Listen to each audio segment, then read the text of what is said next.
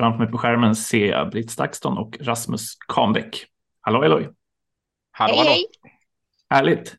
Ja, nej, men tisdags, eh, onsdags morse var det väl, eh, 3 maj av Unesco instiftade dagen för pressens frihet som vi passade på att frukostseminarium eh, om den säkerhetshandbok som vi håller på att ta fram, eh, men också lite bredare och pratade om säkerhet och situationen för pressfrihet och journalistik. Det hände ju massa den dagen, eh, en mängd seminarium och utspel och eh, artiklar och eh, demonstrationer utanför ryska ambassaden och så vidare. Men det var, jag tyckte det var intressant att de som kom verkligen bekräftade att vi är på rätt väg med den här handboken med ett, ett, en bredare syn på säkerhet med fokus på uthållighet Ehm, och många från biståndsvärlden som kom och var nyfikna på våra slutsatser och erfarenheter och tips. Det var nytt och kul. Ja, vad tog ni med er från den morgonen? Nej, men jag tyckte att det var, det, det, det, ja, men just det här att det kom människor från biståndsvärlden, att det, att det egentligen, eh, visst det är en handbok för journalister, men det är också kanske en handbok för människor som, eh, som jobbar i, eh, i, i liknande miljöer och att och det som är slående är väl att pressfrihet, yttrandefrihet och rent generellt sett demokratiska rättigheter hänger ju väldigt, hänger ju väldigt mycket ihop och att vi rör oss i en miljö där om civilsamhället mår bra så mår journalistiken oftast bra och så vidare. Så vi sitter mm. någonstans i samma båt eh, och det tyckte jag ändå eh, man ska ha med sig. Eh, sen, sen blir det väl också att, eh, att utmaningarna i grund och botten eh, kanske är relativt liknande, att man jobbar ungefär utifrån samma perspektiv men att eh, men sedan när det kommer till praktiken det skiljer sig något åt men det var fint. Det var, det var kul samtal och det var kul att få träffa våra läsare. Mm. Ja, och sen eh, tycker jag att det var, det var mm, intressant att djupa lite kring eh, nya. Vi kommer väl ändå ta med det på något sätt kopplat till säkerhetsaspekterna lite. Du bjöd ju på insikter runt vad det betyder att vara eh, eh ja, men utsättas för en smutskastningskampanj med ett eh, fake Twitterkonto med hundratusen följare som en av den konstanta naven i det här bubblandet kring det här hela tiden. Sen tar det sig en massa olika andra uttryck också. Men så att vi kom ju, det blev ju ett spännande kunskapsutbyte eller erfarenhetsutbyte kring att vara utsatt för stress av det slaget och mm. resonemang om vad för slags stöttning du hade reflekterat över att man behöver i en sån process. Eh, och det, det tyckte jag var väldigt eh, ett viktigt samtal och också någonting som vi verkligen bör addera i uppdateringen av boken. Eller hur? Ja, nej men absolut. Och det är ju eh, eh det, det, som du refererar till är, är ju de här eh, kampanjerna som jag blivit utsatt för från, eh, från azerbajdzjanskt håll, eller rättare sagt inte från regimvänligt azerbajdzjanskt håll eh, och, eh, och regimen. Och det, fort, det fortsätter ju. Bara, bara i morse så, så kritiserade den azerbajdzjanska ambassadören mig igen offentligt och försökte kontakta Göteborgs-Postens redaktion för att jag hade skrivit en artikel och det är ju väldigt lite sakinnehåll som, som egentligen eh, det handlar om, eller inget sakinnehåll överhuvudtaget, utan det är ju bara ren och skära personangrepp. Ehm, eh, och, och det skapar ju en stresssituation för man inte vet eh, vart man har eh, motparten. Eh, och, och, det är ju någonting som jag kommer skriva om i, i själva säkerhetshandboken om också. Mm. Hur, hur, hur hanterar man detta? Och det här är ju frågor som jag har följt länge i relation till förtroendevalda, civilsamhällsaktörer eller när man pratar med bibliotek och eh, eh som har programverksamhet. Och där har ju du också märkt av att om man eh, föreläser arrangörer där du föreläser. Mm, det är ju ändå något väldigt speciellt att man i paketet i samtalet inför din medverkan så förmodar jag att det nu är så pass att du ändå får instruera dem om möjligheten att bli uppringd eller så. Eh, Absolut. och- absolut. Ja. Ju, Eh, och, och så är det med Som- både, både, både på bibliotek och föreläsare och eh, redaktioner och alla som jag har egentligen kontakt med i någon form av min yrkesverksamhet instruerar jag om att eh, det här kan hända. Eh, och jag gör det alltid när, när dealen är klar så att säga. Bara så att ni vet så Mm. kommer ni att bli uppringda också. Ja, så det där är ju verkligen em, aspekter av eh, hur desinformation och smutskastningskampanjer em, kan, kan se ut. Liksom. Så det är ju väldigt bra att den ska uppdateras, tänker jag. Sista maj är en ny deadline och så förhoppningsvis kanske den kan komma till bokmässan. Eh, det är ju fortfarande en, eh, ett projekt vi också letar finansiering för eh, på, på något sätt. Men vi brukar ju kunna trolla med knäna och få ihop, få ihop en bok på något Ja. sätt. Eh, ja, eh, men annars på pressfrihetsdagen så jag såg att eh, en PR-byrå och Reporter utan gränser och eh, David-familjen hade satt ihop en sån här AI-David som hade skrivit en artikel som publicerades i Expressen eh, med liksom hans röst så som han hade skrivit idag. Eh, och jag ja, kommenterade lite på Twitter att det, det är liksom en plojdag för, för reklambranschen, pressfrihetens dag. Eh, att det är en risk att det, liksom, det, blir, det blir jippo eh, av, av någonting djupt, eh, djupt allvarligt. Eh, jag hade ju den också när jag skrev min bok Jakten på David, den tanken, så här, kan man skriva i första person? Kan jag liksom försöka föreställa mig hur David tänkte genom intervjuer med andra på möten han var på?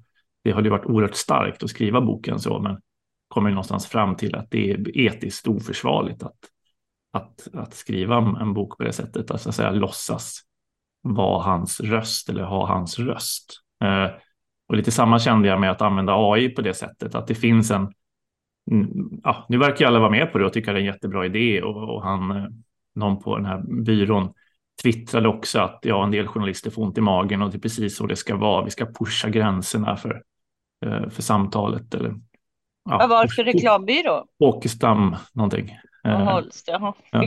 Ja, ja, vi, ska här- pusha, vi ska pusha gränserna liksom, det är där vi ska vara. Ah, Man ska få lite ont i ju- magen. Ja, men det är ju 1996 all over. Vad är det för jävla lam sägning? Ja, men, Eh, eh, ursäkta, nu svor jag. men försvara sig då med att alla är liksom, Pressbyrån är med och familjen är med och alla är med. Ja, men eh, jag fick ont i magen och någonstans så, eh, så är det ju, det, det, det bottnar ju också i en diskussion om etik och AI förutom liksom pressfrihetsdimensionen. Och det jag alltid har saknat i de här pressfrihetsdagarna, det är ju liksom mer journalistik, mer journalistik om Eritrea, om David, om Esaias. Eh, Han ger första gången på länge nu en mängd intervjuer. Han kommenterar krisen i Sudan. Han är liksom på den, den regionala arenan på ett sätt han inte har varit på länge. Och ja, jag har det på min att göra-lista och försöka skriva om det som händer. Han, han eh, ja, i och med att krisen i Sudan är ju, Eritrea är ju grannland till Sudan, eh, så ja, försöker han spela en roll där som en del menar också då är destabiliserande. Men det finns mycket någonstans ogjord journalistik och det ena utesluter ju inte det andra. Men jag blir alltid påmind om pressfrihetens dag med David hur lite vi skriver om Eritrea dagligdags, inklusive mig själv. Och det finns ju inget värre än journalister som säger varför skriver ingen om det här? För det är bara att göra. Eh, Men ja, det påminner en om vikten av att göra det verkligen. Och inte ploja, Ja. ploja, ploja bort det.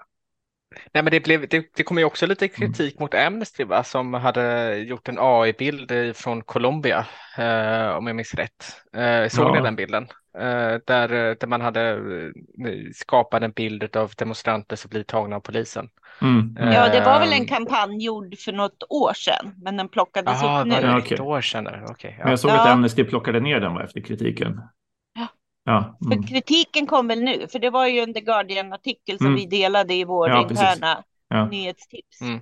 Mm. Eh, men eh, jag är ju trött på den här typen av AI-artiklar. Jag är helt allergisk mot allt det här som pågår runt Ja. det och toppat med en barnbok som var gjord i AI som presenterades i Nyhetsmorgon i veckan och så. Nej, alltså allt det här kan vi sluta larva oss på det här sättet. Jag tycker det är så den diskussionen är ju intressant. Jag tror inte att det var, jag har inte, jag läste inte den på grund av tramsigheten kring AI.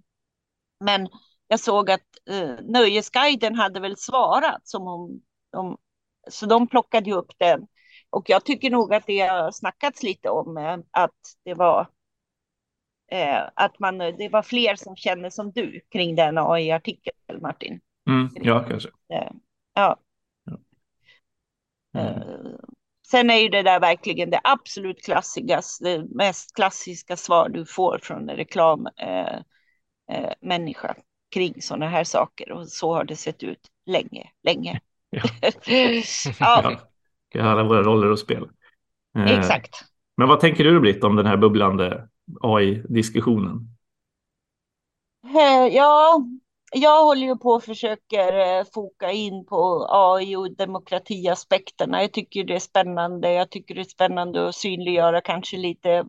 Jag menar, vi har ju ändå delar av hela AI-sammanhanget av att samla stora mängder data och analysera har ju ändå använts bland annat i mycket olika eh, infrastrukturprojekt, vad som helst liksom så. Mm. Eh, men sen det här med de här som har jobbat länge med AI och som är livrädda för utvecklingen nu. Eh, mycket prat om desinformation kopplat till AI och så. Jag tycker bara det påminner mig igen om ansvaret som mediekonsument, den eh, liksom mediekritiska förmågan, källkritiken. Det är bara något vi behöver. Vi behöver ha med oss det och det. Jag har pratat om det hela tiden om digital mm. litteracitet. Det är det vi behöver som redskap för det här. Eh, eh, så det är min generella tanke kring det här. Att se till att lära er, eh, prova, förstå, eh, men inte det här ytliga tramset som pågår i fråga om eh, eh, ja, hur det kommer. Det är ju, det är ju samma, det, till stora delar är det samma sak som var 96 kring när webben kom och vad skulle hända när all kunskap var tillgänglig på det här sättet och så. Eh, och, och jag tror att det är mycket av det som sker just nu som man ganska snabbt, det är ju lite snabbare tidscykler nu, kommer mm. kunna skratta åt de mest dystopiska perspektiven av. Det finns ändå liksom, ja, en generell sån utgångspunkt som jag ofta har kring det här är väl att vi vill väl ändå inte ha koll på varandra. Eh, och eh, att mänskligheten i stort kommer nog ha ett sätt att hantera eh, om det ser ut att det här blir en självgenererande apparat som kommer förgöra människan och liksom med hjälp av den kunskap man får om människan kommer kunna förgöra eh, mänskligheten. Eh, så jag bara eh, känner att man behöver se till att lära och förstå det här. Så att jag håller på och eh, tittar mer på demokratiaspekterna och så. Där kan man ju absolut se att det på ett sätt också väldigt ytligt snabb analys om man redan har haft problem att hantera digitala gräsrotsströmningar som kanske inte ens var gräsrötter och haft en oförmåga att i, i lokala eh, eh, projekt hantera, är det här verkligen synonymt med befolkningens, alla invånarnas perspektiv, så kan man ju tänka sig att det sker saker där det blir lite lätt att med hjälp av kunskap via AI liksom knuffa och inte orka med den ganska trögrörliga demokratiska processen som ligger till grunden. Att det kanske blir att det driver på och rundar demokratiska processer som ser annorlunda ut idag. Det mm, mm.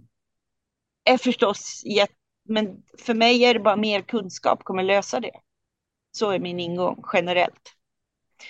Eh, men eh, en sak som är spännande det är att jag skrev ju kort för de av er som läser nyhetsbrevet en sån liten min eh, personliga reflektion över att jag väljer att tolka Tucker Carlsons eh, avskedande från eh, Fox News som ett eh, positivt vårtecken på att det kanske är slut på den här eran av alla dessa galna lögner. Mm. Och att jag ändå är lite hoppfull i att om Tucker Carlson har varit den här stora gurun och ledaren av en liksom högerpopulistisk och en ganska stark ytterkants högerpopulistisk liksom härförare av något slag. Eh, och som där har då gett sken av att älska det mesta Donald Trump gör och också till exempel drev starkt påståendet om att valet var riggat och att det här röstningsförfarandet inte fungerande. Det vill säga det som var grunden till att han fick gå är ju den här eh, rättegången mot rösträkningsföretaget Dominion och som ju landade i en förlikning på eh, miljoners miljoner. eh, och eh, han har ju drivit det här. Eh, och nu har man då fått se sms och mejlkonversationer om att han ja, inte ens gillar Donald Trump särskilt mycket och eh, hela tiden har förstått att det finns inget fuskande med rösterna. Och då tänker jag mig att hardcore Trump-människorna, de förhåller sig väl som de alltid gör. De är väldigt flexibla till sanningen och då är det väl bara ytterligare ett, ett, en, någon hemlig elitaktion, även detta.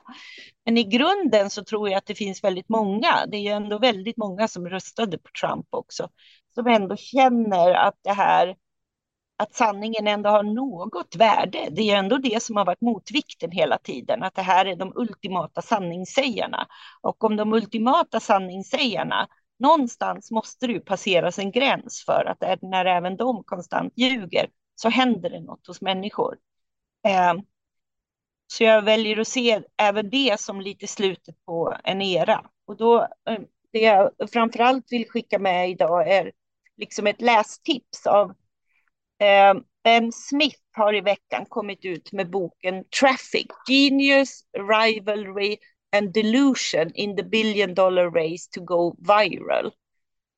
Eh, som ger en inblick i några av de mest febriga åren under, under internet, liksom de här två decennierna faktiskt. Han går till och med tillbaka före sin tid som chefredaktör på Buzz News som han var eller Buzzfeed, eh, som han var. Jag tror han tillträdde 2012 eller så. Men han intervjuat från, från första början.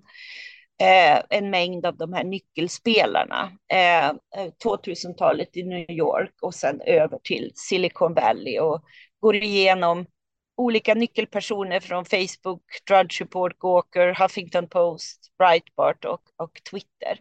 Och funderar ju eh, mitt i det här också över eh, medieutvecklingen eh, i stort. De här, det här är ju virala mediers storhetstid.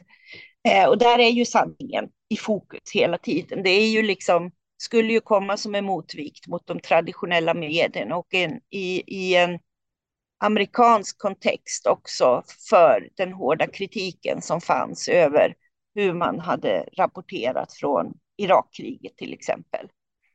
Eh, och sen via det här, okej, okay, de här kanalerna bidrog till att Obama var, vann väl eh, och hur utvecklingen sen såg ut. Och det synliggör, den här boken synliggör verkligen hur, hur galet det har varit. Och jag tycker att det landar i ett jätteansvar för oss som mediekonsumenter. Nu sitter jag och pratar i, i två perspektiv, att vara intresserad av hur journalistik i den här tiden, eh, vad, vad den har för plats och så. Men eh, jag kände att den här boken också är på den här bogen över att det är slut på en tid och det kommer ställa stort krav på alla mediekonsumenter.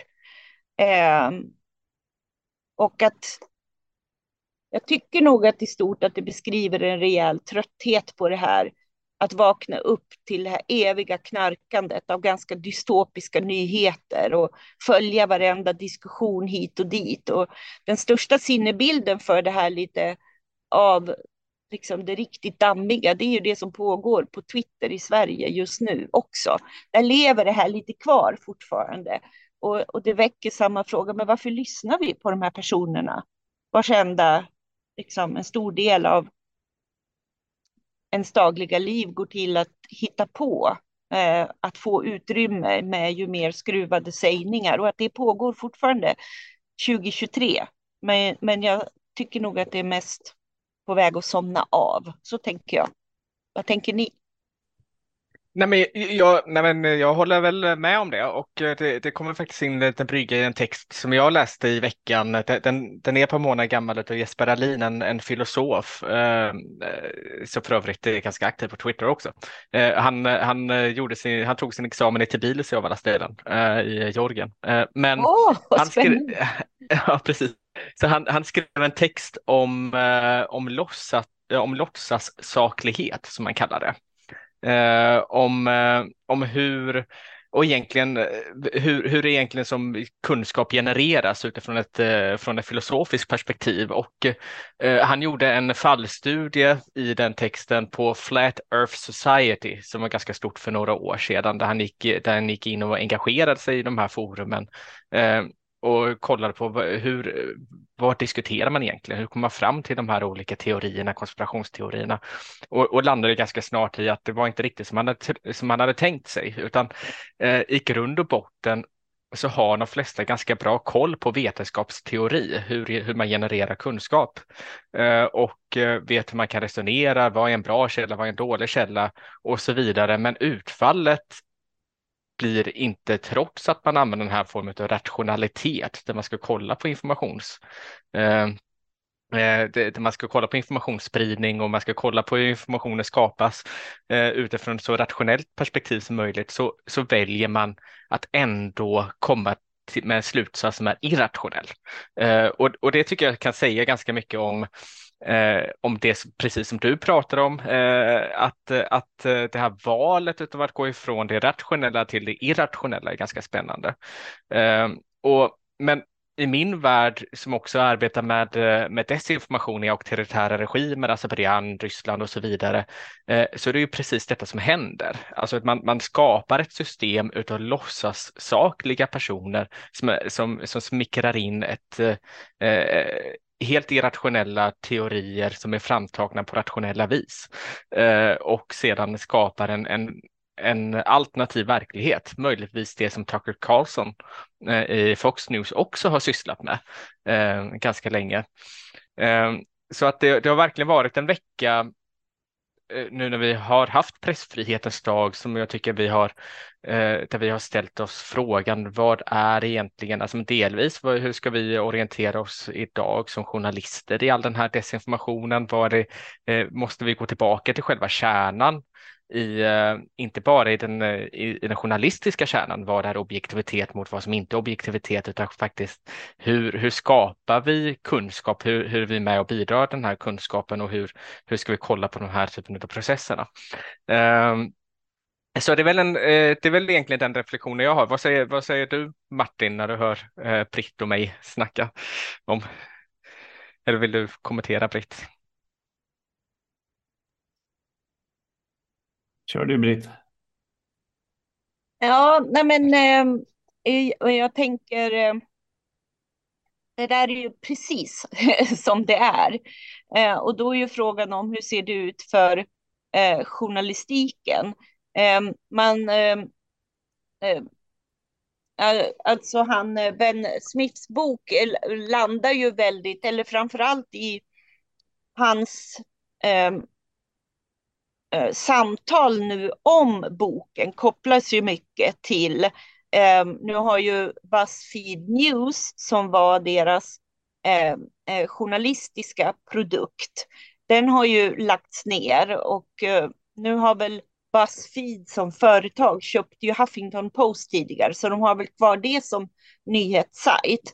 Och sen har de kvar den här andra sajten, den som blev så, det blev väl en role model för de här du kan inte ana vad som hände sen och alla de här mm. listorna som gjordes där, den typen av listjournalistik. Eh, så det är ju tecken i tiden att de här plattformarna, men det finns någonting i Han har ju nu startat en sajt som heter Semafor som jag vill rekommendera er att titta på. Och där finns det ju fortfarande, men jag, vad jag har förstått mycket, det är ju verkligen gå tillbaka till journalistikens grund, få in mycket av de här olika perspektiven, lite det som vi har pratat om Martin, om det. Vi vill ju inte vara svartvita, vi vill vara komplexa, liksom att visa mm. komplexiteten mm. i saker. Eh, och, och eh, så det är väl mitt andra tips, att eh, prenumerera på Semafors eh, nyhetsbrev och fundera över vad säger det här med den bakgrunden. Men jag tror väl att den generella analysen, och jag har hört honom säga det mer än en gång, om att investering i journalistik, det är ingenting som man kan räkna med att få tillbaka, utan det är liksom en investering i något annat. Så det, det vill säga att eh, journalistikens lönsamhet har uppenbart fortfarande jättemycket att brottas med och den sviktande annonsmarknaden och så.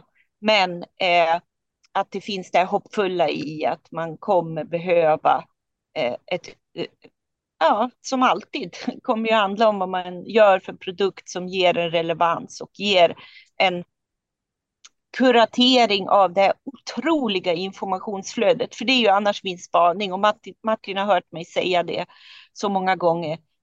Alltså det är ju någonting som är för mycket av allting och det är ju inte bara att det är och, och Martin vet hur jag älskat det här och vilken jättenyhetskonsument jag är.